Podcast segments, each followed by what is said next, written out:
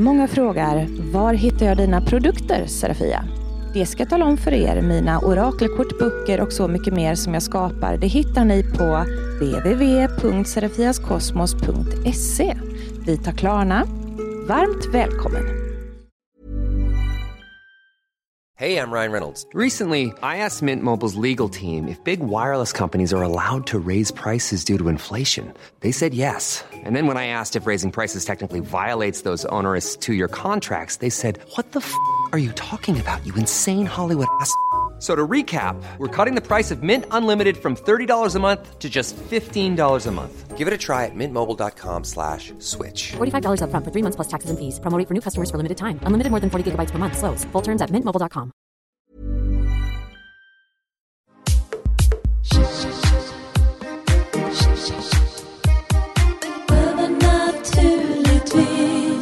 Hej och välkommen till Övernaturligtvis.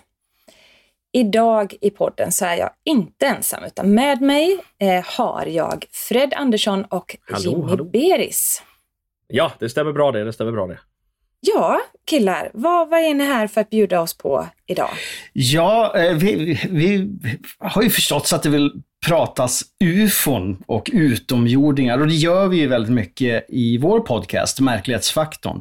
Där vi tar upp kanske de, de egentligen väldigt mycket av de märkligaste fallen och händelserna där ute i världen och i Sverige.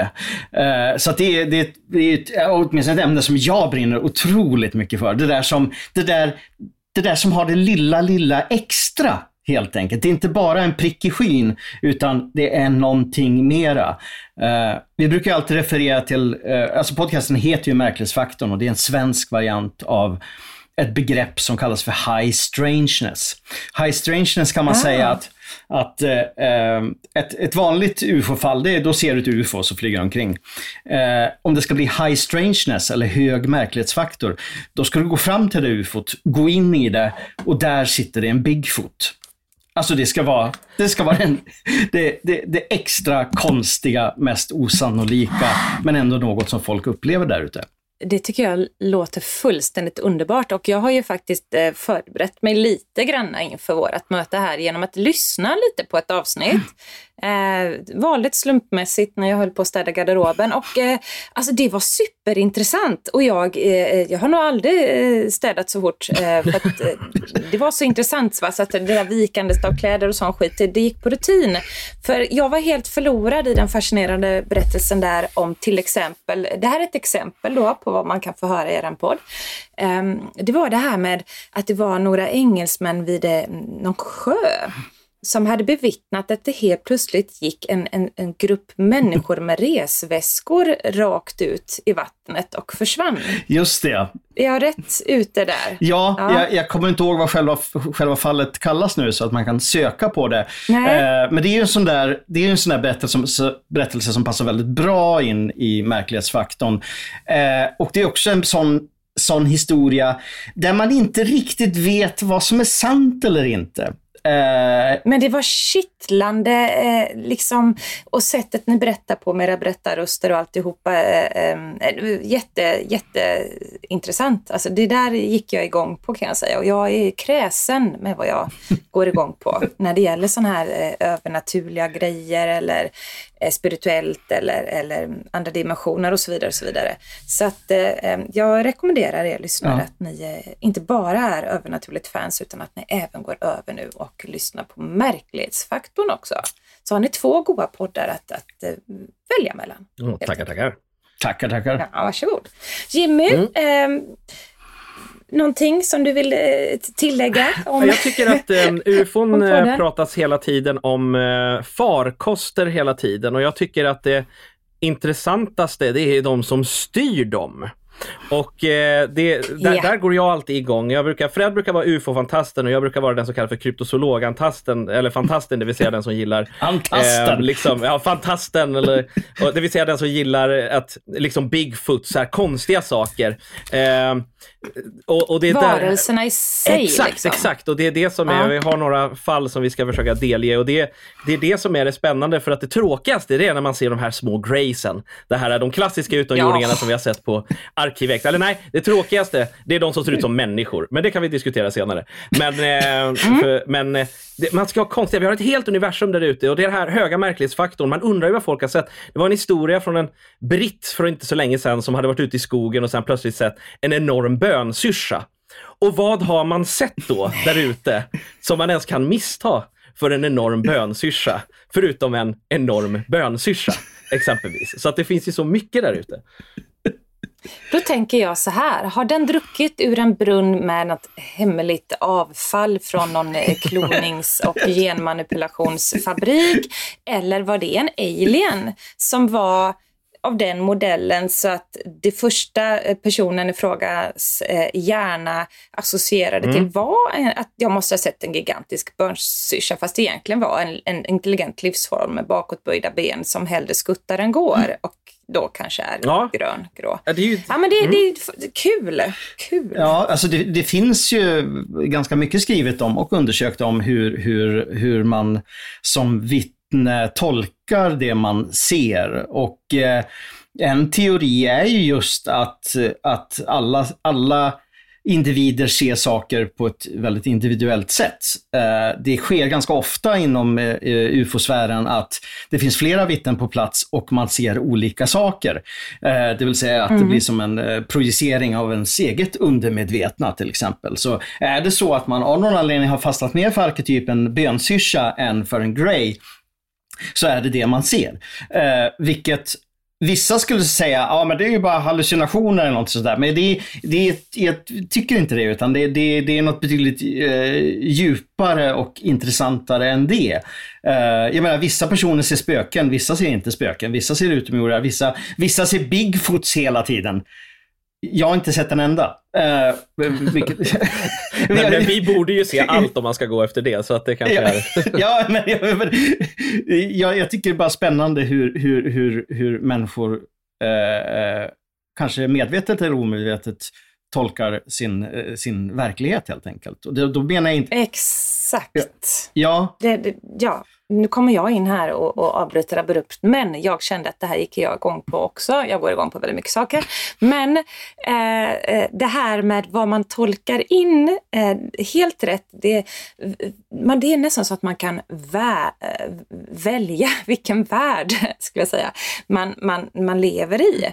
Eh, alltså är man open-minded för eh, vissa saker så börjar också hjärnan släppa in eh, de sakerna beroende på att den förstår vad det är den ska tolka det den ser till, vilket fack, vilken kategori ska placera det i hjärnan. Så att ju öppnare syn man har på vad som skulle kunna vara en, en realistisk verklighet, desto mer börjar vi se.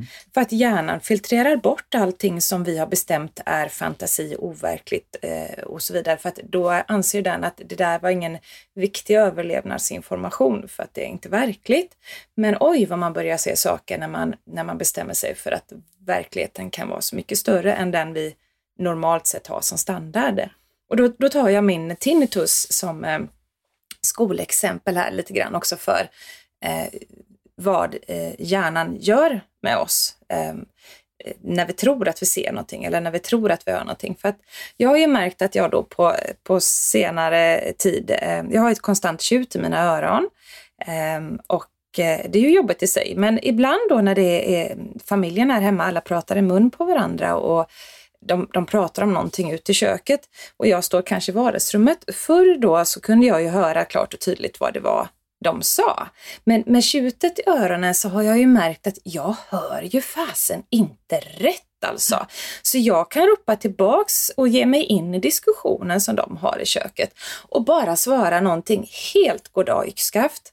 Det, det är något så tokigt och så sen, vad sa du? Ja men sa du inte, säger jag till en av killarna då som är tonåring, men sa du inte att du hade varit på dejt i helgen? Och då har jag sagt någonting helt galet, liksom ett sexskämt eller någonting till han 18-åringen då med att du borde ju tagit hem bruden eller någonting säger jag då. Och han bara, va? Då har han pratat om baka bullar liksom eller någonting med, med farmor. Nej, Men det blir jättekonstigt. För att min hjärna pusslar ihop eh, beroende på eh, vissa bokstäver, vissa ord, så hör jag bara delar av konversationen och ordet. Och då väljer hjärnan att med en gång gå och fylla in med det ord och den meningen som den tycker ligger närmast till hands att det bör vara att jag hör. Va? Så att eh, jag, jag tror ju att jag hör det här de säger och de säger något helt annat. Och innan jag kom på att det var hjärnans sätt att, att snabbt ge mig en quick fix liksom. Eh, och att inte det stämde ett skit. Det var ganska knäckande först, men nu har jag rätt roligt åt det. För den bara, vet du vad min hjärna trodde att du sa, kan jag säga nu då. Men eh, ja, jag tror att eh, för att ta till sig det här avsnittet ordentligt eh, om, om ufon idag och aliens och så vidare, eh, så tycker jag att alla lyssnare nu genast säger till sin, eh, sin hjärna att eh, allt kan vara sant. Mm. Allt kan faktiskt vara sant. Då kanske man förstår och tar in det bättre. Får jag, får jag dra en, en, en liten koppling till det du säger? Det har inte med tinnitus att göra, men det har fortfarande med samma ämne att göra. Eh, ja, jag kör. Ja, eh, vi ska titta lite på historia, nämligen ufo-historia. Uh, Ufo-fenomenet har ju förändrats under åren. Ganska drastiskt också. Det finns stora likheter men ändå väldigt mycket olikheter. Man kan säga att den första stora ufo-vågen, som vi skulle kalla det idag, skedde 1897 över hela USA. Men man såg inte det, man, då, man såg liksom inte rymdskepp eller ufon, det vill säga, vi nu säger ufon, det vill säga diskformade objekt, utan man såg luftskepp. Det vill säga, mm. ja exakt, gamla luftskepp. Och man såg de här i, alltså det finns tusentals rapporter eh, om hur luftskepp åker in över städer, över, över fält. En del försöker kidnappa kor. Eh, ibland finns det liksom eh, passagerare på i, i luftskeppen som pratar konstiga språk. Oftast på den tiden förklarar man det som att ah, de måste ju vara fransmän eller italienare eller någonting sånt där. Eh, eh, och det är exakt samma historier som sker i modern tid. Det är bara att det är luftskepp. Eh, sen på mm. 30-talet, och här kommer vi till Sverige, eh, så såg man, man såg inte ufon, men man såg spökflygplan. Så man fick in hund, hundratals rapporter över flygplan, okända flygplan som flög över Sverige. Ibland landade, ibland såg man passagerare. På 40-talet eh, försvann flygplanen och man såg spökraketer istället. Alltså det vill säga missilliknande eller som man skulle kunna säga, säga cigarrformade föremål som flög över Sverige och störtade i sjöar. Ja. Eh, och eh, i och med eh, Roswell-incidenten där man då påstår att ett UFO har kraschat 1947 så blev science fiction väldigt, väldigt populärt, mainstream. Och folk började se klassiska ufo-former. Och sen har det gått framåt. De har sett, eh, något som är populärt idag är ju svarta trianglar till exempel. Det är som att hur vi uppfattar ufo-fenomenet följer vår kulturs eller civilisationens utveckling och historia. Bara för att vi, kan, vi har något att relatera till. I slutet av 1800-talet kunde de relatera till, till luftskepp och då var det luftskepp vi såg. Sen var det flygplan. Sen var det raketer och missiler. Eh, sen var det klassiska eh, flygande tefat som vi såg i filmer och så vidare och så vidare och så vidare. Jag tycker det är väldigt, väldigt intressant hur det har förändrats. Ja, en, eh, ja, en annan take på det där som är Mycket. lite intressant, sorry om jag avbröt där, men eh, är att Känner du till fenomenet sömnparalys, Saravia? Ja, absolut, absolut. Ja. Ja, och, den, och det är ju för, ja, för, för lyssnarna också, det är när man, hjärnan inte riktigt har vaknat upp. När man, eh, man vaknar, typ kropp, eller hjärnan vaknar upp men kroppen har inte gjort det. Och då kan man uppleva eh, väldigt konstiga saker. Och sömnparalys genom historien och genom olika kulturer skiljer sig åt. För att förr så såg man häxor som satt eh, på ens kropp. Maran var ett eh, populärt eh, i Sverige ett visst tag. Att man kände att det var liksom en häxa eller någon sorts varelse som var på sig. Sen har det förmodligen blivit utomjordingar. Men även i modern tid i Sydamerika, där ser man inte utomjordingar när man har sömnparalys. Där ser man eh, fortfarande häxor, för där är den kulturen mycket starkare än ufo-kulturen. Där ser man sällan utomjordingar, man ser troll snarare. Eh, och det är också intressant hur den rena kulturen mm. kan få oss att se olika saker. Ehm, så man undrar ju då hur, om utomjordingar i vissa fall kanske till och med bara är eh, ja, tomtar och troll kanske till och med. Ja. ja det, alltså, för, för, innan man på något sätt verkligen har vidgat sitt medvetande för ett obegränsat antal eh, livsformer och eh, bankar in i sitt huvud att de skulle kunna se ut precis eh, hur som helst och att eh, det är fullt möjligt att se varelser både i energi och eh, i, man säger så här, här och nu i verklig kropp, ehm, så tror jag att man är otroligt Ehm, styrd av det där att hjärnan går in och sorterar upp vad den anser att det här skulle kunna vara. Vad ska vi tolka in det som? Ja, men det här är ju någonting som vi har i bildbanken i huvudet. Det ligger närmast till hands. Och så tar den det. Då precis som du säger där Jimmy med, med, med kulturen. Eh, och i början eh, eh, som medium då, jag har ju varit medial sedan jag var eh, bebis, liksom, så det är ju något som jag alltid har haft med mig. Eh, men ju mer jag började jobba då som eh, medium och spårdom, det innebar ju att jag dagligen använde min gåva eh, och tränade upp tredje ögat mer och mer och mer. Så efter ett tag där när jag började läsa av energier och läsa in när folk säger så här, vad har jag runt eh, mig? Jag känner att det är någon hemma i min bostad, jag får besök, eh, det känns som att eh, jag känner mig sån här, jag blir påverkad av någonting, vad är det jag har runt mig? Ehm, I början så ehm, hade jag lättast för att gå in och sortera upp andar som de hade runt sig. Jag kunde se ljusvarelser, typ man säger då änglar, men änglar för mig är en alien. Det är en livsform för mig. Jag ser inte änglar som någon, någon religiös biblisk grej enligt standardmodellen eh, som är i mycket böcker och religion och så, utan det är en typ av eh, like being, alltså det är en varelse eh, som är väldigt egobefriad och trevlig att ha att göra med. Eh, men eh, jag, jag började se Förlåt mina tuppar i halsen idag. Eh, jag började se mer och mer eh, saker. Som ett, jag började se färgade gubbar. Mm. Det var en kar jag hade som kund. Han hade väldigt ofta, eh, jag ska säga så här, de hade kropp, men de hade inte riktigt ansikte, men de var i färger.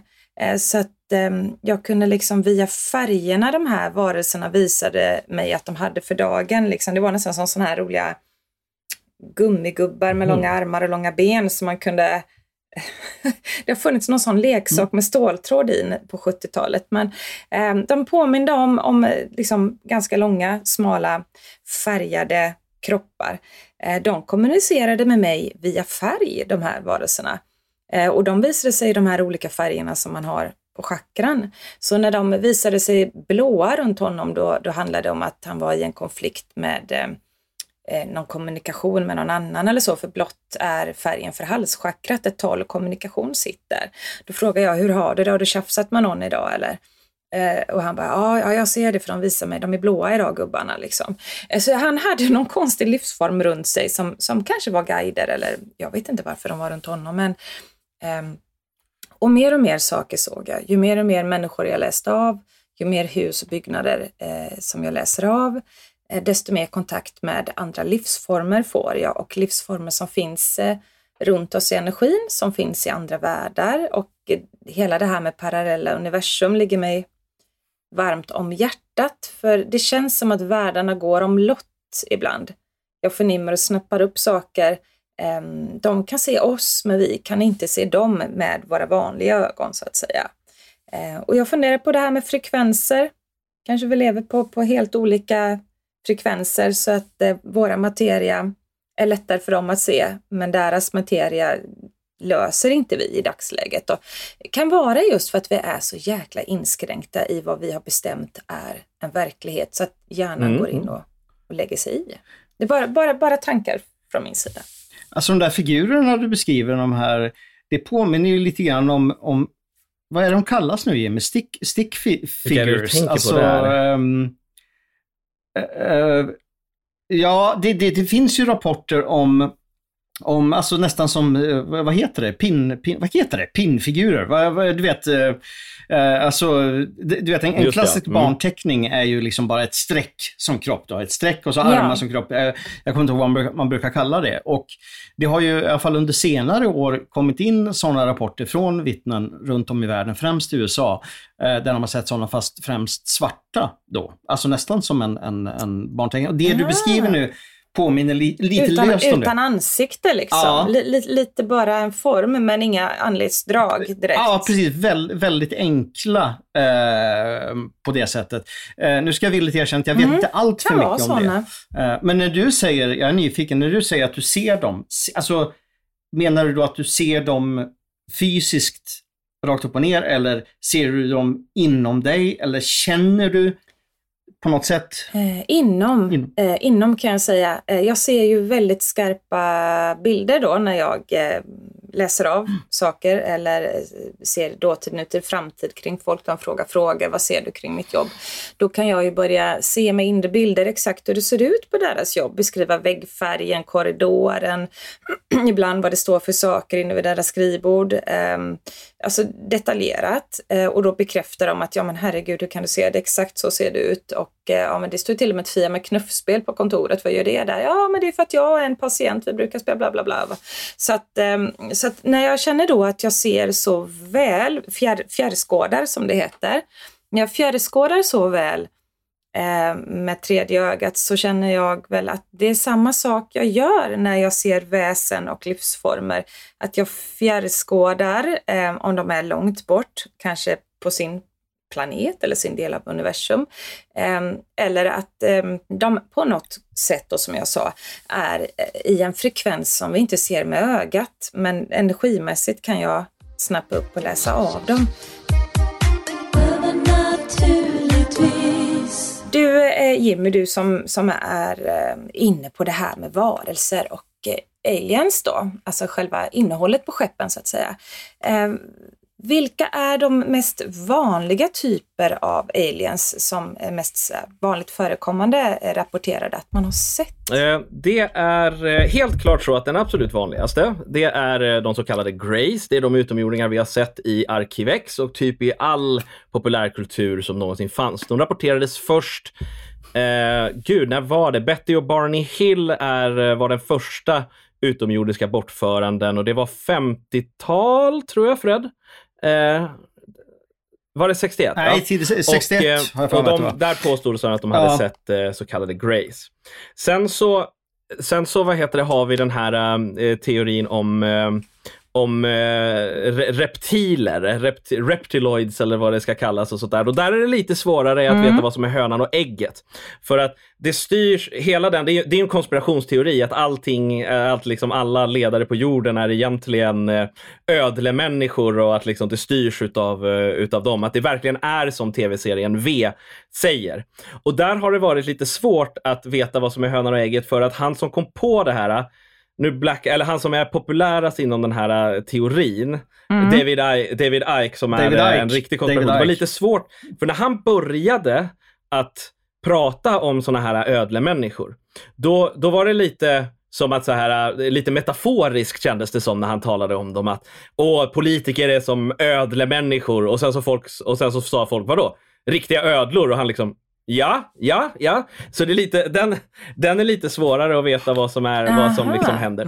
Sen finns det de som, sen finns det en, vad heter det, mm, teori och det är de som kallas för Nordics.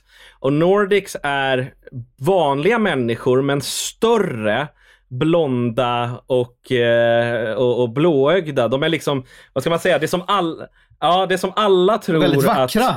vad heter att vi det är som alla tror att vi, vad heter det, nord, nordiska, Nordmän. nordiska män Ja, är. Eh, slänger med mitt Fabio-hår. Här- eh, och kvinnor.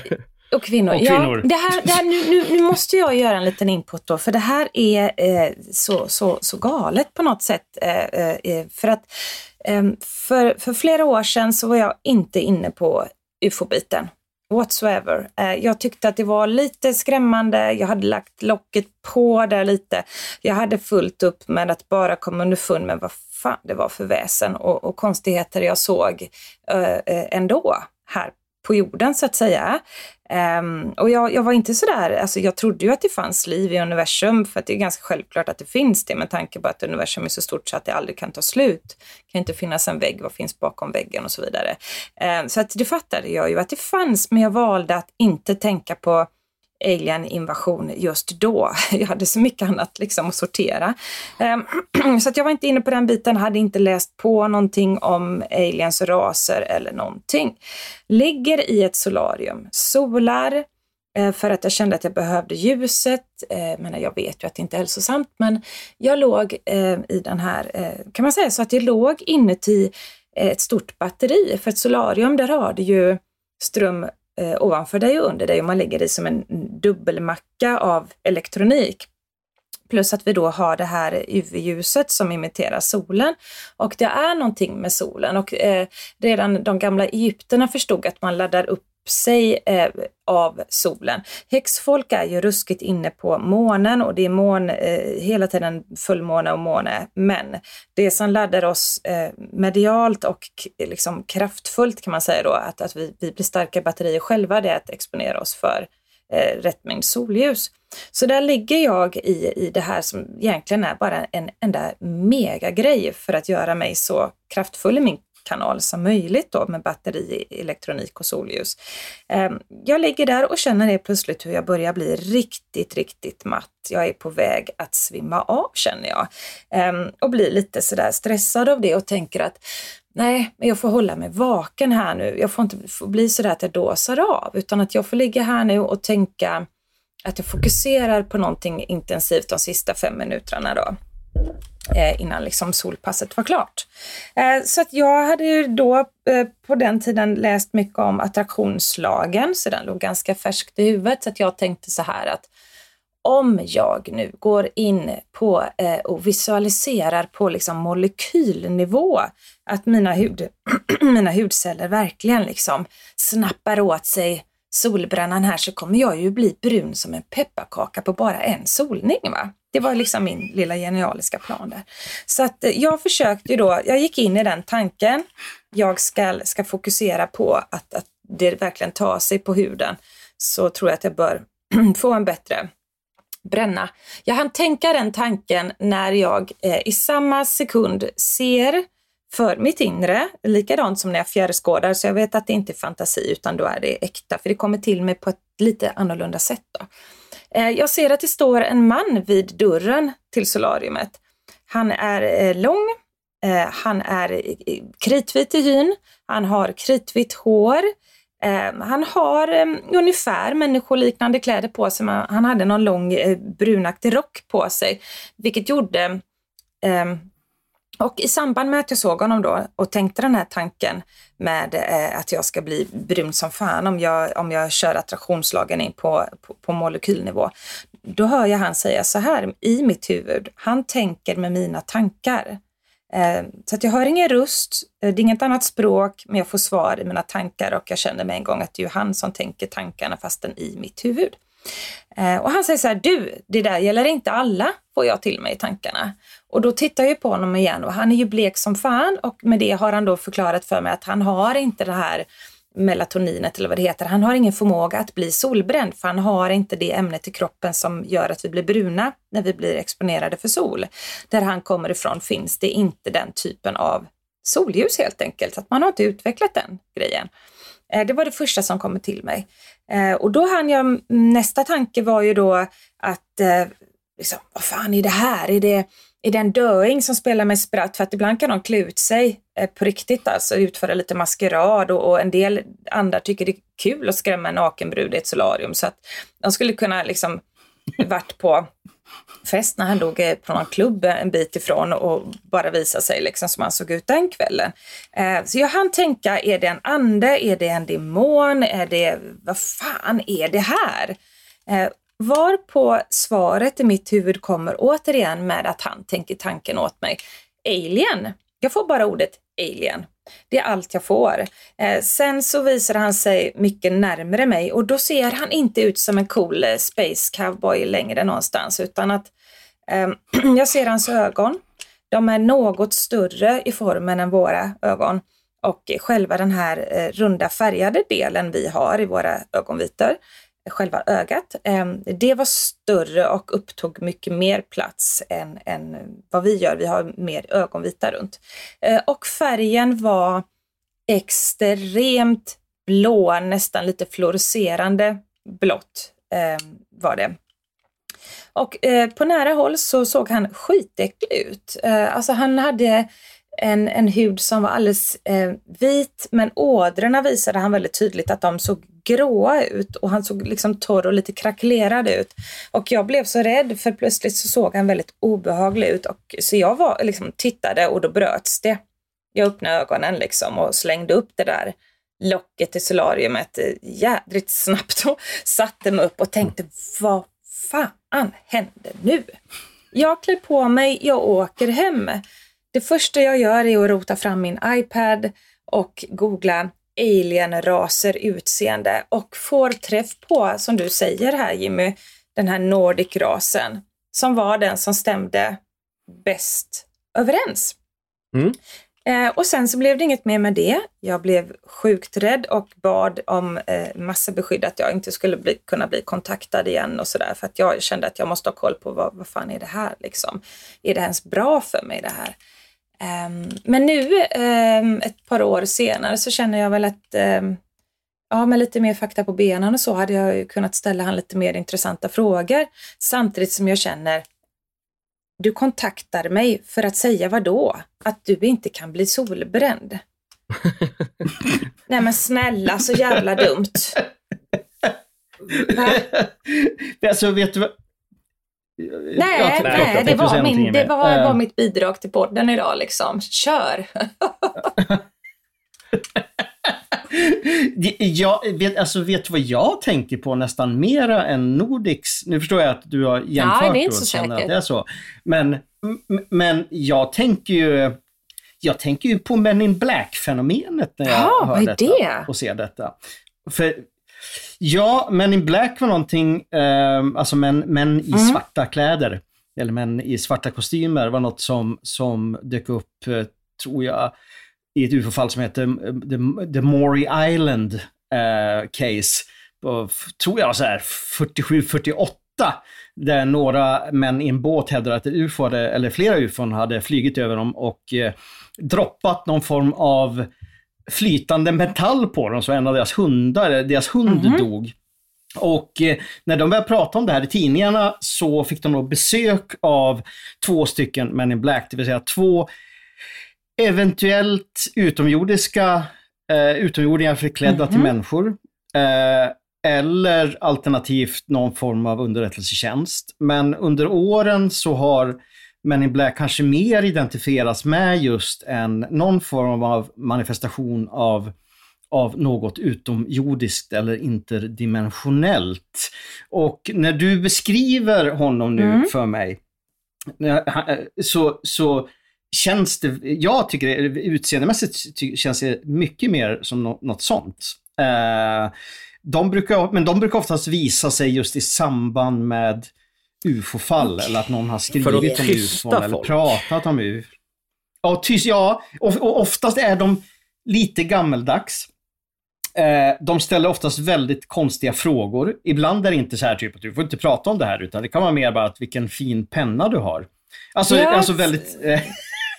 Ja, men jag förstår vad du menar. Liksom lite, ja, för det var ju verkligen så det var här, att, att det var så otroligt knasigt att när man får kontakt med en alien så diskuterar vi eh, hans förmåga till solbränna. Men faktiskt ett par år eh, ja. senare så var det en tidning, det var Vetenskapens Värld tror jag, som hade någon specialtidning om eh, liv på andra planeter och jag ryckte till med den omedelbart och köpte den. Um, och uh, började bläddra i den varpå det stod, var en artikel om uh, om det fanns uh, liv då på andra planeter, hur skulle de till exempel kunna se ut?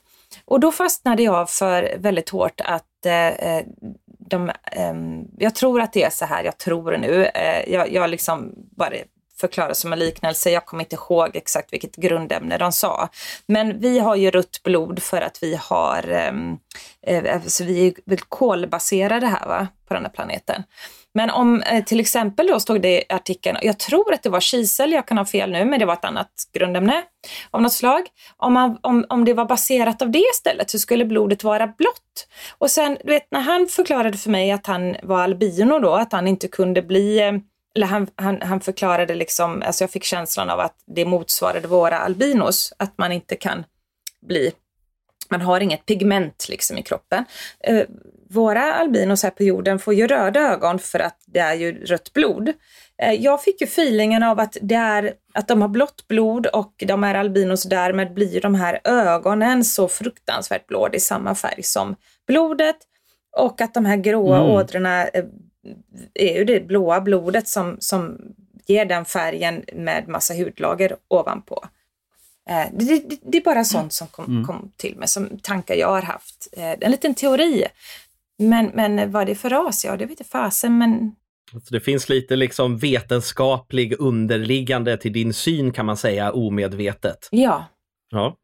Jag, mm. jag, jag, tänker direkt på, vad heter det, när du berättar den här historien på, um, på, på ett känt fall, uh, Whitley Strieber. Som, uh, Whitley Strieber var en skräckförfattare på 70 till 80-talet som Kanske mm. inte nådde samma kändisskap som Stephen King, men han hade några populära böcker. I alla fall till 1988 då han släppte boken Närkontakt, eller Communion som den hette på engelska. Eh, boken var annorlunda för den påstods vara en biografi där Whitley själv beskrev hur han 1985 utsattes för konstiga händelser. Händelser som han genom hypnos kom fram till berodde att han fick eh, besök av några som han kallar för besökarna. Eh, dessa varelser besökte honom på nätterna i flera år och kidnappade honom. Eh, många som lyssnar kanske känner igen framsidan av boken där man ser en målad bild av en utomjording. En bild som jag vet har traumatiserat många, inklusive mig. Eh, I alla fall, utomjordingarna där beskrevs av flera raser, bland annat robotar, stora och mörklå, eller stora och mörkgråblå varelser samt de här små grå männen som vi känner igen. Men det som var lustigt i det här är att han, eh, han, han påstod att de kommunicerade med honom telepatiskt. Och det var mm. inte alltid de sa saker som var vettiga. För att eh, en gång när han var hemma i köket så fick han plötsligt bara en röst i huvudet som sa åt honom, ät inte godis! Och, så, liksom, och det var liksom samma den här rösten som var, utom, som var den här utomjordiska varelsen som han då mm. inte kunde kommunicera med, men som kunde kommunicera med honom. Eh, men ja. han åt godis i alla fall och då blev varelsen sur. Eh, så att det finns någonting liksom i det här med att bara det, non, om man säger nonsens, eh, ja. det finns liksom någonting bakom det. Eller det har hänt andra personer. Det har hänt flera mig alltså. För grejen var så här att, att jag, jag har ju tänkt så här. Eh, jag försökte ju som medium då känna in alltså eh, hela tiden efteråt. Vad, vad var det här? Men var det verkligen alien eller är det fortfarande en död snubbe som, som prankar mig? Eller what the fudge liksom. Jag försökte verkligen känna in han som energi för att verkligen eh, gå igenom, eh, är det sant som han sa, Alien då? Eh, men, men jag kände ju in så här, eh, anledningen till att jag med en gång kunde avfärda att det här var ingen ängel i alla fall, det var ju för att jag kände att hans energi var kapabel till både gott och ont, precis som en människa. Jag tyckte hans energi påminde mycket om en människa, just det där att man har en personlighet, man har eh, uppenbarligen humor eftersom man säger det där, du det där gäller inte alla när jag ligger och fantiserar om eh, attraktionslagar med superbrun liksom. Um, och uh, nej men jag funderar på det, livsformer, alltså det som vi kan kalla för aliens då, som inte kommer från jorden, eh, de kan väl antagligen ha en själ och en personlighet och är kapabla precis som människor till både gott och ont, många av, av, av raserna. Eh, kan väl på något sätt vara nyanserade precis som vi, tänker jag. Och är de då lite nu säger inte jag att han var det, för då kanske han blir svinsur på mig om han hör detta, inte vet jag. Men eh, en del av dem kan väl vara lite enfaldiga, precis som människor kan vara lite lätt lågbegåvade och ställa en jävligt dum fråga när man får möjligheten till kontakt med, med en annan ras. Liksom. Ja, men det, det är alltså, bara jag spånar här nu, men varför måste de vara så jävla högintelligenta? Liksom? De kan ju vara precis som vi. Ja, ja, ja. ja. Ja. Bra! Äntligen är det någon som vågar ta upp det här. Att utomjordingar får också vara dumma. ja, ja, precis. Och, jag, och, frågan är, en, det, det jag uppskattar så mycket just med high strangeness och märklighetsfaktorn, det är att de, de varelser som träffas på verkar inte alltid så supersmarta. Eller de kan vara naiva på ett speciellt sätt. Jag påminns om ett fall i England där det var två barn som lekte nära en golfbana var liksom ett skogsområde. nära Sandown, tror jag staden heter. Eh, de går in i, de går in i, i, i skogsdungen och då hör de, jag tror det är en klocka eller någonting så här, pling, pling, pling, pling. Eh, de går dit, ser då något som de beskriver som en clown. Fast en robotclown med eh, fyrkantiga platta ögon, en trekantig näsa, träremmar som sticker ut ur ärmarna. Eh, liksom sådana här stora knappar framme på skjortan. Mm. Och eh, eh, den här clownen, eller varelsen, presenterar sig som Hej, jag heter Sam av alla färger. Eh, vidare visar han dem till ett litet skjul som visar sig ha flera våningar. Eh, där han då bor och lever på blåbär och andra bär. Eh, och eh, helt ärligt, det här låter ju faktiskt inte som den smartaste varelsen på jorden på något sätt. Eh, utan något otroligt naivt. Jag får ju um, lite pedokänsla här, att, att han liksom klär ja. ut sig till clown och lurar in barnen i ett skjul. Eller? Absolut, men, men det hände ju ingenting mer än så. Utan han, ja. ja, fast, fast han var tydligt en, en robot. Aha. Eller någon form av robot mm. och presenterar sig som en, någon form av interdimensionell varelse. Eh, så när han var klar och sa hej då så sprang barnen hem och berättade om det här för sina föräldrar som gick dit och det fanns ju ingenting där naturligtvis.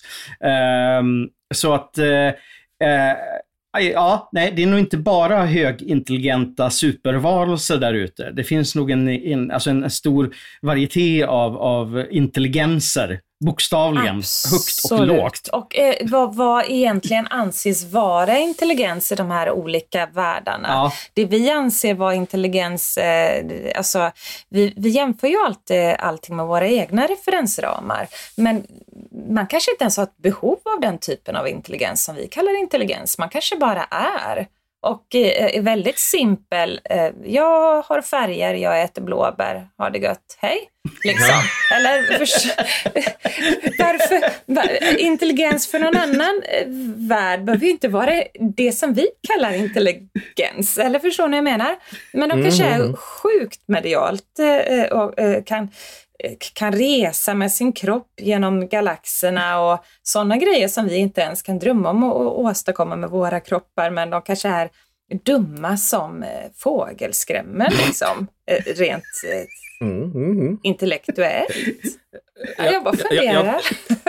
Ja, jag, jag, tänker också så här att det, en, en sån här tanke som kommer till mig med den här historien är att om vi förutsätter att så här, vad är det man medialt liksom ser eller vad är det för, så här, om, man, om man anser att man läser energier eller någonting sånt där. Mm. Så om vi utgår ifrån att, att universums lagar är likadana så betyder det att det finns ingenting snabbare än ljuset. Sant. Och universum tar ju enormt, är ju enormt stort. Vilket betyder att så fort vi går utanför vårt eget solsystem så blir ju avstånden enorma. Så frågan är ju, den här utomjordingen kanske inte är eller kanske är närmare än vad vi tror. För mm. att eftersom ni kunde kommunicera direkt, för annars skulle det ju kanske vara ett lagg, typ som när vi kommunicerar här nu på Zoom. tänkte ja, jag säga. Men, eh, så den kanske inte var så långt bort som man kanske tror och det är ju frågan, är det bättre eller sämre? Ja, men alltså jag har tänkt på det här då, eh, parallella världar. Eh, i, I ett parallellt universum kanske det är andra invånare på jorden än just oss. Eh, eller att på de andra planeterna eh, har blivit beboeliga av olika orsaker. Eh, deras Big Bang kanske inte såg riktigt ut som våran. Ehm, ja, men det där kan man ju gå och fundera på tills man blir kokos. Men, mm. men ja, absolut skulle jag nog vilja påstå att de är på besök i alla fall ganska ofta eller kan fara hit eller på något sätt ligger klossan omlott eh, oss i våra solsystem. För um, det, det, är ju så att man får kontakt med en del på ett sätt som jag skulle vilja säga att de ändå bör vara på ett hyfsat nära avstånd. Jag kan ju känna in, alltså om det ringer någon eh, från Nya Zeeland till exempel, jag har haft kunder ifrån, eh, om, om de ringer eller skriver till mig och ber mig känna in eller svara på frågor om, om dem sådär. Jag har inga problem att känna in saker som sker på andra sidan jordklotet. Det är inga problemas. Jag tror att jag kan känna en bra bit ut i, i liksom atmosfären också. Men eh, precis som du säger där Jimmy, eh, jag, jag är ju ganska säker på att vi på något sätt har varelser nära eh, in på oss. Och så finns det ju det där teorin med eh, star seeds och star people och det är ju också väldigt så här, populärt i spirituella kretsar att man ska ha bott på man ska vara en akturian eller man, man är från Venus i sitt förra liv eller alltså man är olika alienraser som har inkarnerats i mäns mänsklig kropp för att vi ska vara olika varelser och bo på olika planeter för att lära oss en, en, en massa saker. Eh, för att sedan kunna integrera och binda ihop hela eh, universum då och alla aliens mm. och sådär. Det är ju en jättevetenskap en, en sak... det där. Ja. Det, det, finns ju mycket sådana teorier. Ja, en, en sak är säker att det är en eh, otrolig variation på varelser som, som ses, om vi ska knyta ihop den säcken mm. i alla fall. Uh, um, om, ja, alltså min, om jag vill bara säga min favoritvarelse är egentligen en som är ovanligt vanlig, eh, trots att man inte hör så mycket om den. Och det är eh, kort, alltså det är håriga dvärgar. Åh! Helt enkelt. Ja, och nu använder jag dvärgar som i, alltså, alltså som i, i någon form av utomjordisk form, i fantasiform. Va? Men eh, eh, ganska tjocka, heltäckande päls. Eh, oftast lite fyrkantiga formen, stirriga ögon och oftast ganska aggressiva. Um, kan det vara det, jag vet att, förlåt att jag avbröt, men det, det, det, troll, kan det vara det som har varit på besök? Ja. Och varit det, troll. det påminner ganska mycket om troll, tycker ja. jag. Uh, och jag menar, det är ju det som Whitley Strieber tror jag nämner någonting liknande. Jag vet att i Sverige har vi Ante Johansson som var en, en kontakti på 80 och tidigt 90-tal. Han, han blev attackerad av ett gäng sådana här när han var ute och åkte bil en natt. Eh, tror jag var 1980 eller 81. Eh, såg ett stort eh, UFO som hade landat. Eh, han åkte hem och hämtade en kamera. Eh, när han kom tillbaka var ufot borta. Åkte omkring och letade efter ufot ett tag. Plötsligt dök det upp igen. Vilket gjorde att han sladdade ner i diken med bilen. Och när han skulle ta, ta, sig ur bilen, då kom då tre stycken, tre, fyra stycken sådana här håriga varelser med capes dock, i det här fallet, och försökte slita in honom i ufot och dra iväg honom. Eh, och de, deras, deras vanliga attityd verkar just att vara ganska typ henchmen, det vill säga lite grann som Grace, det vill säga att det är de som, som kör lite grovgörat för, för, för andra varelser mm. ibland. De är som små, små betjänter kan man säga. Um, så det, det, tycker jag är en väldigt intressant varelse. Jag vet att det förekommer mycket i, i typ eh, Sydamerika och, och, Spanien och Italien, de länderna. Kanske för att de är små och håriga där. Det... Nej, jag skojar bara. Det menar ja, jag naturligtvis apropå, inte alls. Apropå hjärnans, eh, vi, vi tar det vi känner till och tror att det är det vi såg. typ. Men om vi nu backar lite då ifrån Från. Förlåt, jag, menar inget nej. illa mot italienare nej, nej, nej, nej, nej, men de är ju i regel kortare än oss och ja, de har hårigare bröst de får kalla sig manliga om de vill. Så, så, så ja. det, det beror på hur man rubricerar. Nej men gud off topic. Eh, det här får bli en, en, en egen podd. jag har så mycket kul att säga om, om eh, män överlag eh, faktiskt. Vi får ta en, köra så här i dejtingdjungelns väl och ve med, med Serafia. Det får vi ta ett annat avsnitt. Men jag tänker så här. Ja. Um, Ja, vad fan tänkte jag? Jag tappade tråden helt. Jo, Fred, jag tänker så här. Eh, jag blev så distraherad av guldkedjor och håriga bringor här nu att jag var på att trilla baklänges. Eh, jag tänker så här, Sverige. Jag tyckte det var kul att du kom in på Sverige, Fred. Vad, vad har vi här då förutom rödhåriga oh. män med stort skägg, om vi nu ska vara riktigt så här, så här ser vi ut i Sverige. Och då är vi alltid sönderbrända, lite, lite, lite läskigt röda i huden och har knallrött hår och skägg. Men, men vad, vad har vi sett i alien-väg då i, i Sverige? Eller vad händer här? Ja, alltså Sverige är ett ganska rikt land när det gäller märkliga ufo och alien-upplevelser. Men det är av någon anledning inte så jätte jättekänt faktiskt. Uh, jag, har, jag har fler favoriter. Alltså så här, jag skulle kunna prata i timmar om det här. Eh, så att jag, jag, ska försöka hålla igen lite grann för att, för att det är ett sånt kärt ämne. Jag känner ju nästan att, Men, att, man skulle kunna klippa det här till två avsnitt eh, i övernaturligtvis. Det känns så, så prata på bara. Ja, ja, ja. Vi kör på så. Eh, fast Jimmy, du hade någon tid att passa eller? Nej, nej, nej. Jag har ingen nej, tid. Nej, nej, jag är semester. Ja. Alltså ett av mina... Jag har, oh. ett av mina favoritfall var 1969 i en liten ort som heter Trehörningsjö. Eh, och eh, Kjell Näslund, han jobbade på länkstationen där och eh, det var en, eh, en, kväll i december vid sextiden som han anlände till stationen. Han började koka kaffe, han öppnade kvällstidningen, satte sig i det lilla pentryt. När plötsligt eh, liksom larmet började tjuta i hela, hela länkstationen. Lampor blinkade och han bara, vad i helvete? Så att han, han går omkring och kollar, han ringer upp sina kollegor i Sundsvall, de bara nej, här är det lugnt. Han bara, och sen slutar larmet. Så att han återgår till kvällstidningen. Uh, plötsligt så får han ett meddelande på något sätt inom sig att han ska öppna dörren och titta ut. Och nedanför länkstationen så var det då ett kalhygge, en ganska stor eh, vid sänka. Och han tittar ut och ser då ett enormt UFO, eller vad man ska kalla det. Alltså 150 meter i diameter som svävar över hela kalhygget. I, mot honom så är det liksom en, en tunnel, en, nästan som en nästan eterisk tunnel in i, i, i farkosten. I den så ser han rörelse, han ser någonting som rör sig inuti och utanför. Och plötsligt inser han att det här är små, eller små små, det är man kan säga att det är sockerboxformade varelser. Sockerbox? Alltså tänk den gamla socker... Ja, ja liksom som en, en, en, eh, en trälåda. De var ganska poppis ett tag. Inte bara ha socker i utan bara att ha som prydnad liksom. Som en, eh, tänker en, en, eh, en, jag skulle gissa lite större än en vinylbox liksom. En sån här plastbox man kan ställa vinyler i. Ja, du tänker en ölback uh, liksom? Ja, men en ölback. Precis, ja. där ser du hur vi relaterar. Ja. Jag tar vinyler. Ja. Moderna referenser, höll jag på att säga. Men jag är ju ändå gammal. Nej, men jag har faktiskt haft äh, vinyl, så jag är med. Ja, lite större än en ölback i alla fall. Mm. Eh, som är vita med lite blurriga kanter. Och de svävar omkring där någon decimeter ovanför marken. Eh, och då får han till sig meddelandet, släpp in dem. Så att han ställer sig där, han öppnar dörren och eh, ett tiotal, tror jag, dessa svävar in på länkstationen.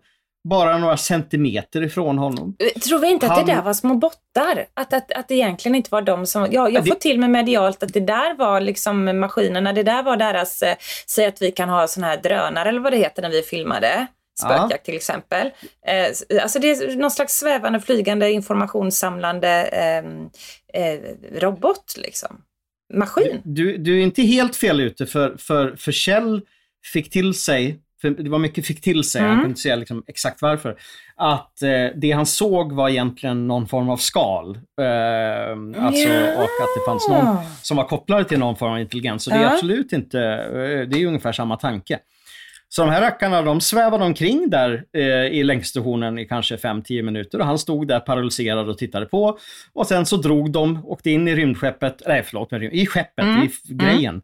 och flög iväg. De, de var ju inte... Och han bara, eh, ja, nej, alltså, det, och han var bara chockad. Oj. Det första man gjorde var att ringa en polare som var polis som bodde typ på andra sidan och bara, ser du någonting borta hos mig? Och han tittade ut, nej jag ser ingenting. Sen höll han på det här i tre år innan han berättade. Liksom. Han berättade för sin fru och för några kollegor. Mm. Alla trodde att han var full. Mm. Eh, det var han inte. Nej, de, de han, samlade, det fanns väl teknik där va? De skulle bara kolla ungefär hur, hur utvecklade vi var. Vad fanns det där? För de, ja, de, de drogs det är väl en, till, alltså en länkstation. till te tekniken, elektroniken. Det var som att de samlade information på något sätt.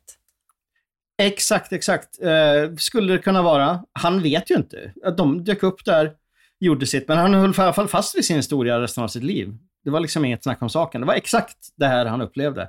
Han gjorde inget, det är ganska vanligt eh, att folk ändrar sina mm. historier, mm. alltså under åren. Folk kommer på nya saker, vet, minnet kan vara ganska mm. bedrägligt. Men han höll, det, var, det här var han, det han berättade under alla år. Eh, ett annat fall var i Västervik 1979, jag tror, det var natten mellan den 2 och 3 december. En 16-årig tjej kan inte sova Eh, hon bor precis eh, bredvid ett naturområde som heter Breivikalperna. Liksom. Det är lite, någon liten backe och kulle och skog och sådär. Så att hon går en promenad runt eh, och när hon har kommit en bit så känner hon att någon tittar på henne. Eh, tittar upp, ser då ett ganska klassiskt UFO, ett flygande tefat. Lite, lite tjockare och bulligare. Eh, och bakom det så dyker det fram två stycken långa, vad hon säger då, utomjordingar och ställer sig framför och tittar på henne. Ett, hon, att hon ser rolig ut. Som att hon är ett, ett roligt djur eller någonting sånt där. eh, så att hon är jättechockad. Eh, och kan inte flytta på sig om det är att hon är paralyserad av någon okänd kraft eller att hon bara är rädd, det är svårt att säga.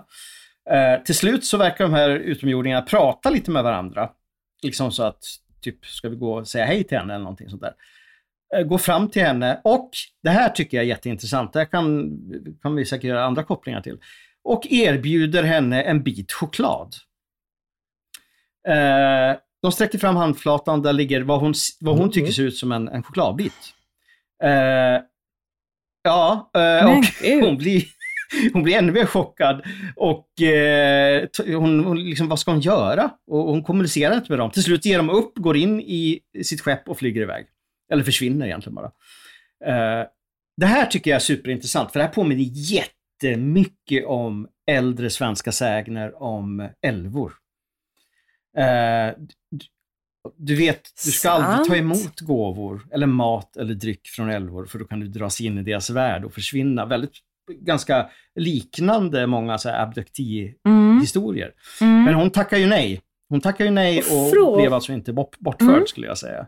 Det är två jätteintressanta fall som, som eh, än idag förbryllar mig och som är hyfsat väl underbyggda också. Ja, det, Ja, det är kul med, med, med svenska eh, saker också så att vi får känna att det här är inte bara eh, o, o, vad ska jag säga, otrovärdigt bara för att det alltid händer i USA. Utan att eh, just att det, det händer ju då eh, saker, rapporter kommer in från oh ja. hela världen. Gör det ju lite mer lätt att greppa också. Eh, jag har ju faktiskt en som jag känner. Hon är väldigt pålitlig eh, stabil människa. Eh, hon är spirituellt intresserad, hon håller på med healing nu, men, men, men hon har ju varit en, eh, en helt vanlig eh, stabil kvinna, uppväxt på bondgård, eh, väldigt jordnära. Här, hon är intelligent, det här är ingen kokosmänniska på något sätt. Hon berättade för mig eh, när jag berättade om min upplevelse i solariumet att eh, där hon bor, och det är inte speciellt långt ifrån mig, eh, när hon körde hem eh, och då kör man eh, lite grann över några fält och lite skogar innan man kommer till henne. För som sagt, hon bor ju på en bondgård en bit in då. Ehm, då stannar hon bilen för att eh, hon känner att det är något jättestort mörkt som, som hovrar ovanför bilen.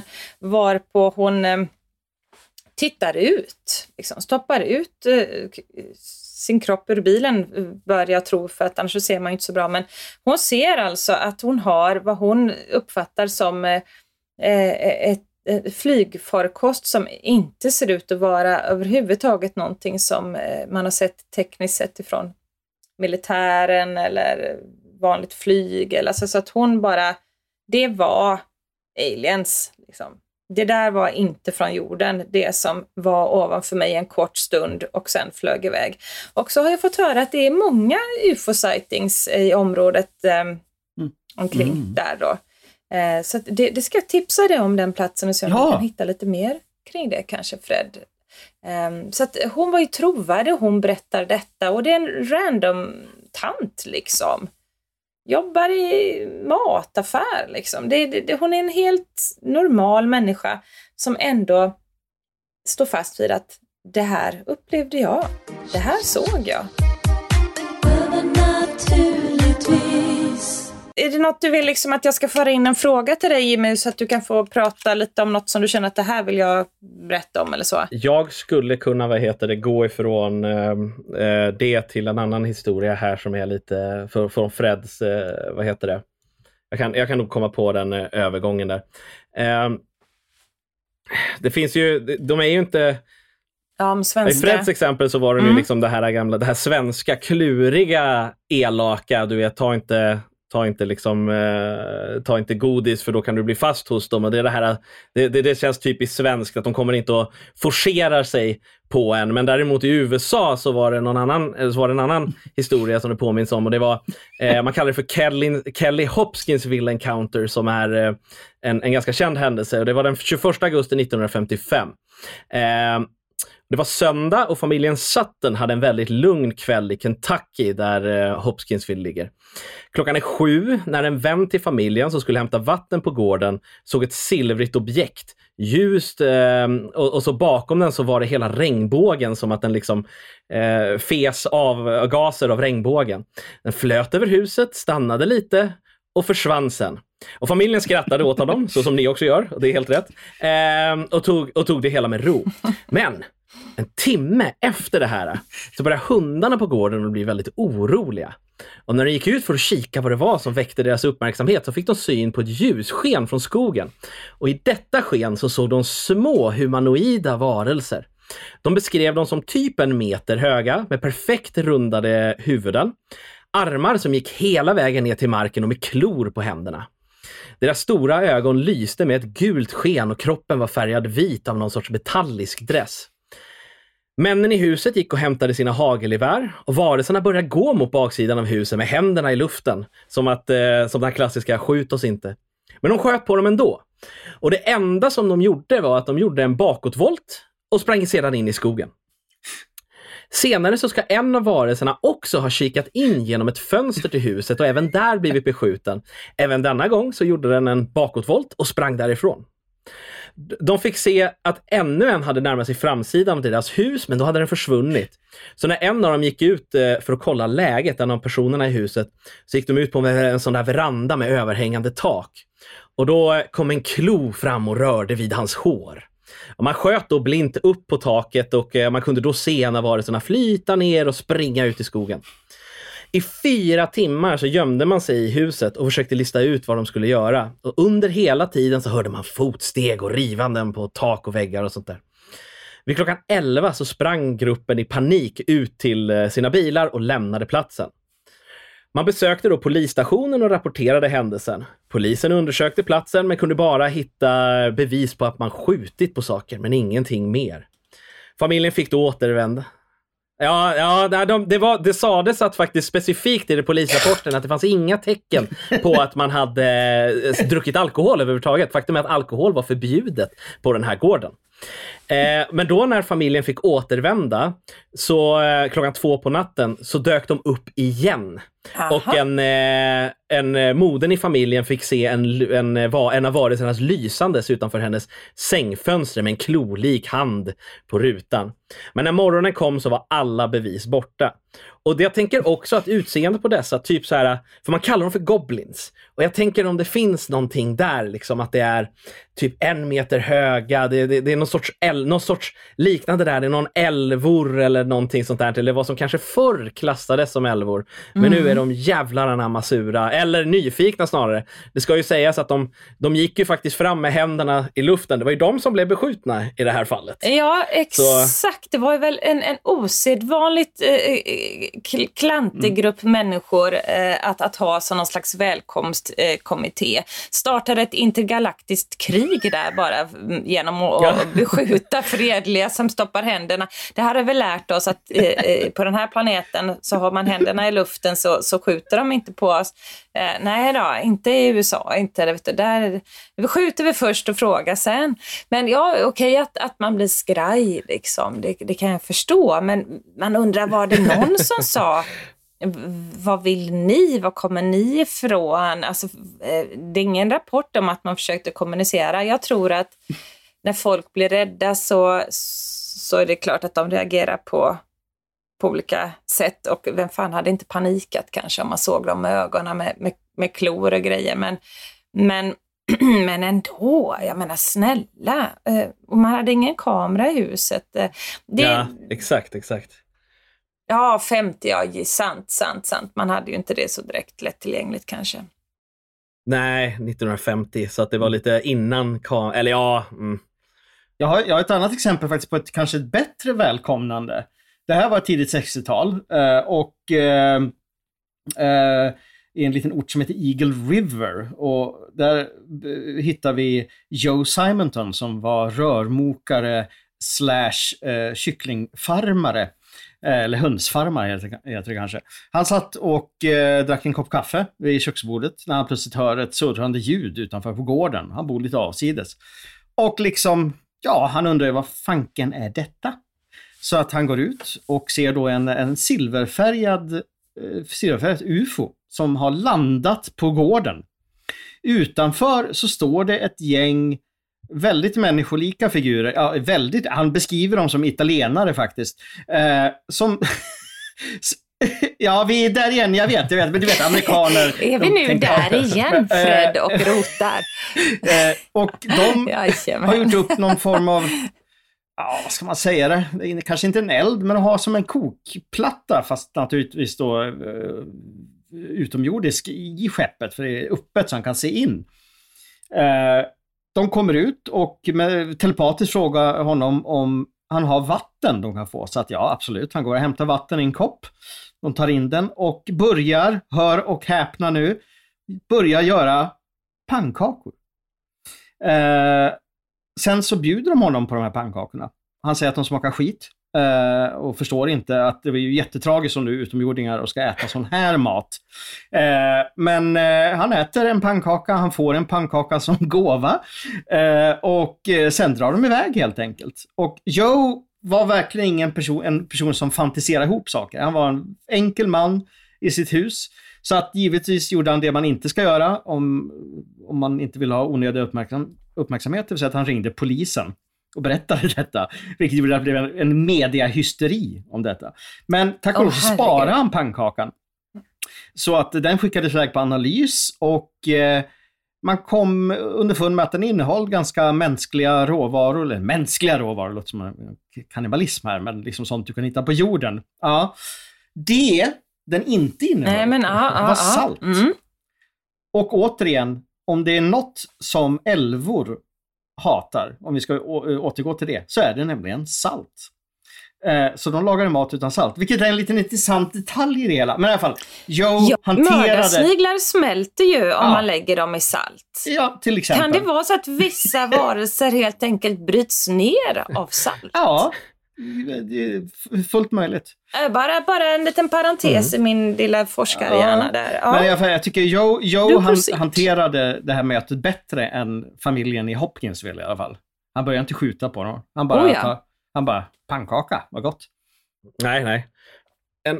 En, en, sidoteori som kanske passar in i det här och i Nordics är ju det att det, den blir mer och mer populär på senare år och det är det att det vi ser när vi ser de här ufona är inte utomjordiska farkoster utan det är tidsresenärer.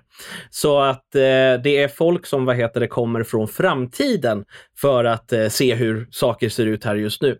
Vilket skulle kunna passa in i historierna kring Nordics eftersom mm. att ja, de ser ut som människor. För att jag tycker att det vore oerhört tragiskt om det fanns en till planet med människor. Det vore så jäkla tråkigt alltså. Eh, det räcker inte med den vi har.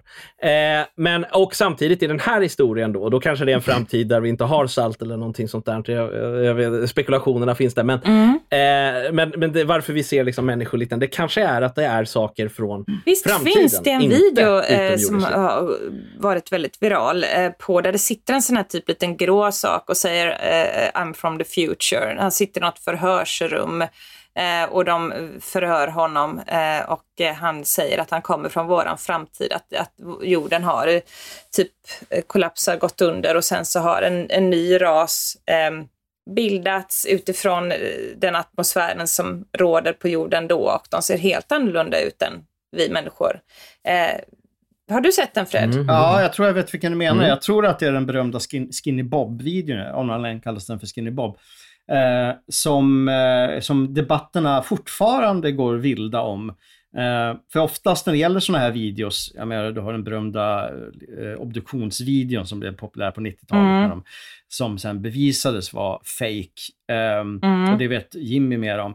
Men just den här videon har man faktiskt inte lyckats spåra. Oftast så kan man ju Det finns Ja, ju väldigt duktiga väldigt- researchers som, som letar sig, hittar, okej det är en specialeffektsmänniska som har gjort den här. Men just denna video är det faktiskt ingen som än så länge har lyckats spåra ursprunget till. Om inte Jimmy vet mer naturligtvis, för du sitter alltid och håller på hemligheter.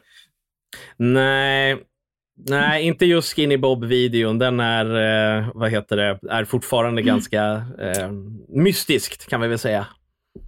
Det, det ska vara ärligt, det kommer jag inte ihåg, men det är ju den videon, den enda egentligen videon jag tänker på. Eh, visst sitter han där och säger I'm from the future. Men det dyker ju upp lite då och då, lustigt nog, eh, Instagram och TikTok-accounts där man påstår sig vara från, eh, eh, från framtiden. Och det, som, det lustiga med dem, och jag undrar om det finns mycket mer accounts än vad man tror där ute, är att de brukar komma med ganska många, liksom det här datumet kommer det här att hända och det här datumet kommer det här att hända. Och, jag, och det var något konto för något år sedan som folk höll på och pratade om för att den hade fått rätt på några av de här eh, sakerna. Den hade fått fel på massa av dem också. Man undrar ju också om, då, om det finns massa konton som där folk bara... Ja, det kan vara det. Duktiga medium Ja, och ja. halvduktiga medium. ja det skulle det i och och för sig spår kunna vara. Det tänkte jag inte ens på. Jag tänkte att det kanske finns massa konton där ute som Mm. bara gör tre gissningar. Alla är fel och så startar man ett nytt konto. Och så gör man tre nya gissningar tills man får två gissningar som är okej. Eh, och sen så spinner man vidare. Ja, men jag, jag, jag, jag vet att jag spådde ju Finlands framtid för eh, några år sedan i finsk radio. Ehm, och efter tio år skulle de kolla vem som hade mest rätt då av hur det såg ut i Finland. Om det var jag som var spådom eller om det var den, eh, en eh, finsk man från parlamentet där. Eller om det var en framtidsforskare eller en beteendevetare. Eh, vi var några stycken då. Och han politikern i alla fall från parlamentet, han satte sina pengar på att det var jag, Serafia, som hade mest rätt sen, när, om tio år, hur det såg ut i Finland och vad som hade hänt på vägen då. I, i, i olika frågor de ställde till oss och jag drog i kort och spådde liksom. Men fick Ja, du en rätt då? parentes. Det var väldigt roligt i alla Eller fall. vad spännande. Så att, det vet jag inte nu. Det har, gått, eh, det har inte gått tio år ännu. Det har gått Ja, eh, tre, fyra, fyra, fyra år tror jag det kan ha gått. om det var något som antydde på NATO-frågan så är det Mm. ju liksom eh, så, så var det ju definitivt höga odds på Ja. den. Så, Ja, ja, för fasen. Det var lite grann hur det såg ut med grannen eh, eh, som de har bredvid sig där. Ja. Mm. Eh, och jag fick in några så, ah, vi- det här blir kul för mig eh, att- att lyssna på också den dagen, om de nu kör Det- en, en eh, Ja, du De får, att du, de du får nog hålla koll på det där också det tror jag. Så att de inte Om han nu släpper det. För jag är jättenyfiken nu att göra en Ja. uppföljning på det. Om jag nu, om det nu är Ja. några år kvar sådär. Eller så får du göra, du får lägga ut en TikTok-video. och Göra, Ja, det är skitkul. Ja, Ja, Jag får väl starta ett TikTok-konto. Ja, precis. Eh, helt enkelt. Message from the aliens. Eh, men jag har tänkt på det här ibland, att jag kanske skulle kanalisera någon... Eh, se om jag kan få in den där på tråden igen. För jag tänker, nej, han måste ju ha velat någonting mer med sitt besök eh, än att spana på mig i, i näck liksom. Och, och, och säga att han inte kan bli solbränd. Eh, jag tänker att det kanske var så att jag behövde några år på mig att smälta upplevelsen, sen bli så intresserad av aliens, sen kanske träffa er två som jag gör nu, eh, för att sedermera få någon form av kontakt så att vi kan be han visa oss något lite mer bevisbart vi kan få med på film eller ljud. mm. Kan det vara så? Att, att det liksom behöver sjunka in sådana här otroliga saker man upplever så att man kan hantera det. Kanske var tvungen att komma på ett lättsamt sätt. Men jag kan fortfarande inte fatta var, varför skrämde du mig, ja. herr Alien? Varför gick du fram och gjorde mig så rädd med att trycka upp ditt eh, äckliga tryne så långt upp så att jag blev så rädd så jag öppnade Du ögonen? kanske har helt, helt andra sociala regler där. Ja. Eh, För han såg ju trevlig ut på håll, men skitäcklig på nära håll. som så många män. var jätteotrevlig. Ja, det borde jag faktiskt ha tänkt på Fred, som så det. många män gör. Men det finns någonting att hålla ögonen ute efter för att det finns någonting som man pratar om. Det är i och för sig ibland alien abductees och det kanske du inte riktigt är, men det kanske är, Ja, det det jag kanske är någon sorts preamble till det. Men det man alltid, det man, ja, och det, var det, det man pratar om är att man, att, att, de, att man ser ugglor. Det är någonting som man, vad heter det, som nästan, som väldigt många som, har, som påstår sig ha blivit kidnappade av utomjordingar ser. Och då påstår folk att Typ så här att du har en uggla vid ditt fönster på natten. Om du har ett sådant minne mot sin barndom eller någonting så, så kan det vara så att det du egentligen såg var utomjordingar men de har bytt ut ditt minne eller så har din hjärna Mhm. ändrat minnet. Det, teorierna går isär där. Ehm, och det är nästan alltid ugglor som det pratas om. Och många utomjordingar, speciellt för att de ofta beskrivs med stora huvuden och stora ögon, så som ugglor, så kan det, så kan det vara ett tecken. Så om, du, så om du eller någon annan där ute känner att ni ser ugglor, gärna så tittar på er ge, genom era fönster. Alltså överlag Då så är ugglor det- väldigt kopplade det till där. paranormala fenomen och även uh, ufon. Det finns en kille som heter Mike, Mike Clelland som har skrivit, jag tror han är inne på tre, fyra tjocka böcker på området uh, ugglor och ufon. Nej, ja, eh, sluta Och han, och eh, han ser ju ugglan mer som en, en, en, en budbärare över slaget. Ett, någon form av Mm. omen. Eh, inte gott eller ont, utan bara liksom en, en, en symbol att nu är det någonting som är i farten, helt enkelt. Eh, och, och ugglor har ju förekommit alltså, hur länge som helst. Och enligt hans forskning, han är kanske världens enda expert på det också. Han säger att det är helt groteskt mycket. Han säger i minst 50% av alla fall som han har forskat i, och det är många tusen, så är, är ugglor på något sätt involverade. Men vad fan, ärligt talat. eh, eh, Nu utbrister jag i ett, eh, i ett hallå, hallå, hallå, stoppa pressarna. Eh, Kan det vara så att ugglor egentligen är aliens? Att, att det är fan ingen fågelras egentligen som, som, som är här, utan vi har, de har kommit på ett svinsmart sätt att göra någon, något djur, okej fåglar det finns jäkligt mycket av. Vi gör en, en fågel och eh, liksom gör en, en, en genklon där eh, med en alien som en fågel och vi fick en uggla och den är någon slags underart till oss här på jorden. Och, eh, ja, nej, jag tänker ungefär som vampyrer har fladdermöss runt sig så har aliens ugglor. Men eh, jag vet inte, Jag ja, nej, det, jag bara spånar här. Ja, jag tror mer om... Och Är, är ugglor verkligen fåglar då? det, var, det borde vara namnet på den här episoden. Är ver- verkligen fåglar? Ja. Nej, jag, jag tror väl personligen att det är fåglar, men att, eh, att om det... ja, det gör det. Ja, det men om det med. finns något, en övernaturlig koppling så tror jag mer att det kanske är en, en arketyp som förekommer som är kopplad till vårt undermedvetna eh, som oftast då man, man ser Ja. i samband med detta som en form av synkronicitet. Liksom. Att man blir extra uppmärksamma av någon anledning. För att ugglan som symbol är så inpräntad i Mm. vårt medvetande. Nu blev det flummigt från min sida, men det brukar det bli. Eh, inte lika flummigt som dig dock. Ja, men det tycker jag om. nej, nej, men då får man ligga i lite.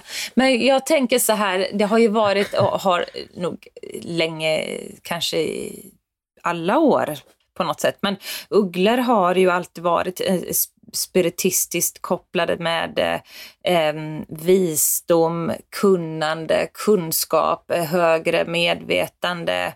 Eh, och eh, det var inte så många år sedan som det gick en stor uggletrend eh, i, i inredning, på tyger, på smycken. Det var ugglor överallt. Jag hade, Fred, sist vi sågs, det var ju faktiskt eh, i Stockholm för ett litet tag sedan när du och jag båda två var på den här eh, spökjaktsfesten ehm, inför att eh, vi, vi var nominerade till Kristallen. Vill jag. Ja, precis. Vi vann Kristallen! Woop, woop.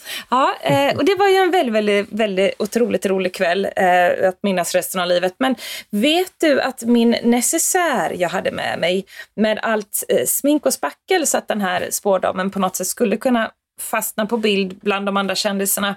Den hade ugglemotiv. Hela min, min stora necessär jag har ibland när jag ska ha med mig mycket eh, pryttlar eh, när jag reser.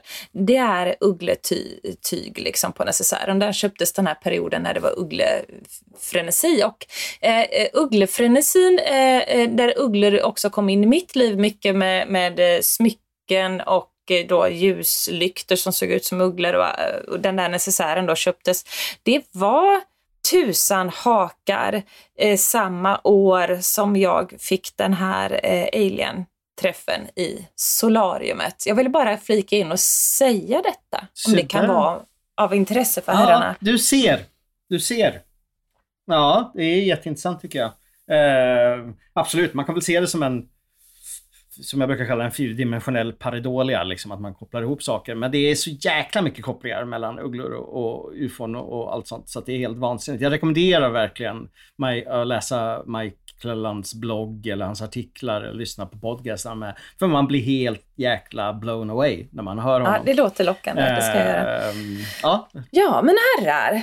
Jag tänker att det här blir ju helt klart två episoderna och för er som lyssnar nu så är vi ju eh, troligtvis runt omkring i slutet på episod eh, två. Eh, Är det någonting mer som ni känner att det här måste jag få ha sagt också i, i övernaturligtvis Serafia? Låt mig bara få säga det här också. Eh, nå- något sista kul att tillägga här nu Jimmy och, och Fred? Ja, eh, för min del som är väldigt intresserad Mm. av svenska fall. Jag är jätte, jätteintresserad av att höra vad ni har upplevt där ute. Och det är någonting som ni gärna får höra av er till, till Serafia om eller till oss på Märklighetsfaktorn. Eh, speciellt då ufo-fall i Sverige. Ehm, varelser, men det kan vara troll, Mm. det kan vara allt möjligt egentligen. För sånt där är så otroligt intressant, speciellt när det, som det är på, när det är på lokal nivå. Liksom. Vi berättar om det ibland i vår podcast. Vi har haft en som har sett Näcken bland annat. Eh, vi har pratat om både troll och vättar och, och andra Mm. saker även i modern tid. Men, men eh, är det så att ni har upplevt Mm. någonting och vill berätta om det, hör, hör av oss till någon av Absolut! oss tre här nu som Jag pratar, eh, helt kör enkelt. gärna till eh, eh, samarbete med er. Det är ju jätteroligt. Eh, och eh, på något sätt eh, så kan vi ta upp det i, i en podd med specialnisch. Eh, och så kanske vill vi höra Ja, om de absolut. faktiskt har sett aliens eller upp, upplevt någonting också. I, eh, Eh, det finns ju ett, ett ställe här. Jag tror att jag måste bjuda ner er två. Jag har ju ett gästhus eh, här som, som ni är så välkomna till. För att det, det, det finns ett ställe som eh, en viss klick av eh, andlighetsmänniskor eh, som är inne på det här med UFO, ufos och eh, besök från andra världar och så. Eh, det är ungefär, vi kommer få köra 40 minuter ifrån mig till ett ställe som är neråt mot Halland där det är hedar och eh, de säger att där eh, förekommer det eh, landningar av ufos hela tiden. Det finns alltså grupper med människor Mhm. som träffas och står där och känner in att nu landar de. Eh, De ser ju inte alltid skeppen, men de känner det av energierna Nej. och eh, jag vet inte fan hur de bär sig åt egentligen för att få för sig att det landar där. Men, men jag skulle som medium gärna vilja gå och skanna av det området med både slagruta och pekare. Kanske att vi kan stämma upp ett möte med de här människorna som, som, som jagar ufon på den här heden.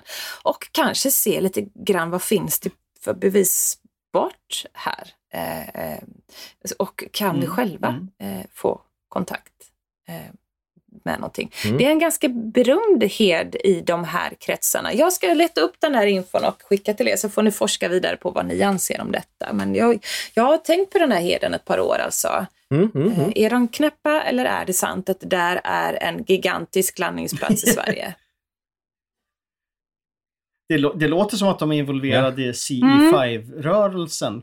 Det vill säga Close Encounters of the Fifth Kind, där man ofta samlas då på en sån här plats och nästan Ja. mediterar eller fokuserar och försöker manifestera såna här saker.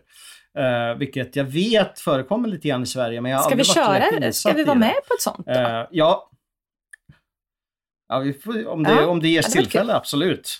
Eh, om de vågar, vågar ha oss där, det vill säga. Ja, det är väl det också. Alltså. Vi får väl se, vi får väl se.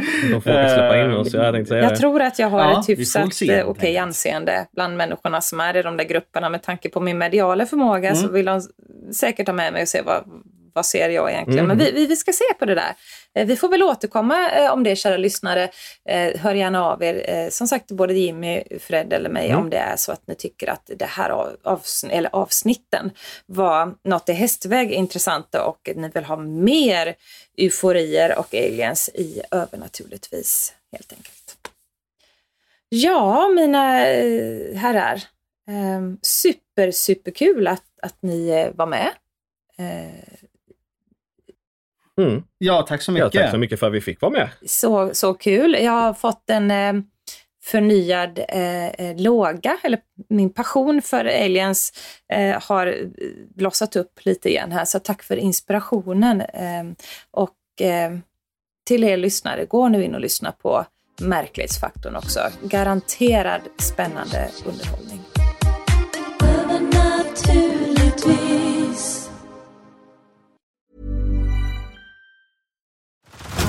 Head over to Hulu this March, where our new shows and movies will keep you streaming all month long. Catch the acclaimed movie All of Us Strangers, starring Paul Mescal and Andrew Scott. Stream the new Hulu original limited series We Were the Lucky Ones with Joey King and Logan Lerman. And don't forget about Grey's Anatomy. Every Grey's episode ever is now streaming on Hulu. So, what are you waiting for? Go stream something new on Hulu. Många frågar, var hittar jag dina produkter, Serafia? Det ska jag tala om för er. Mina orakelkort, böcker och så mycket mer som jag skapar, det hittar ni på www.serafiaskosmos.se. Vi tar Klarna. Varmt välkommen!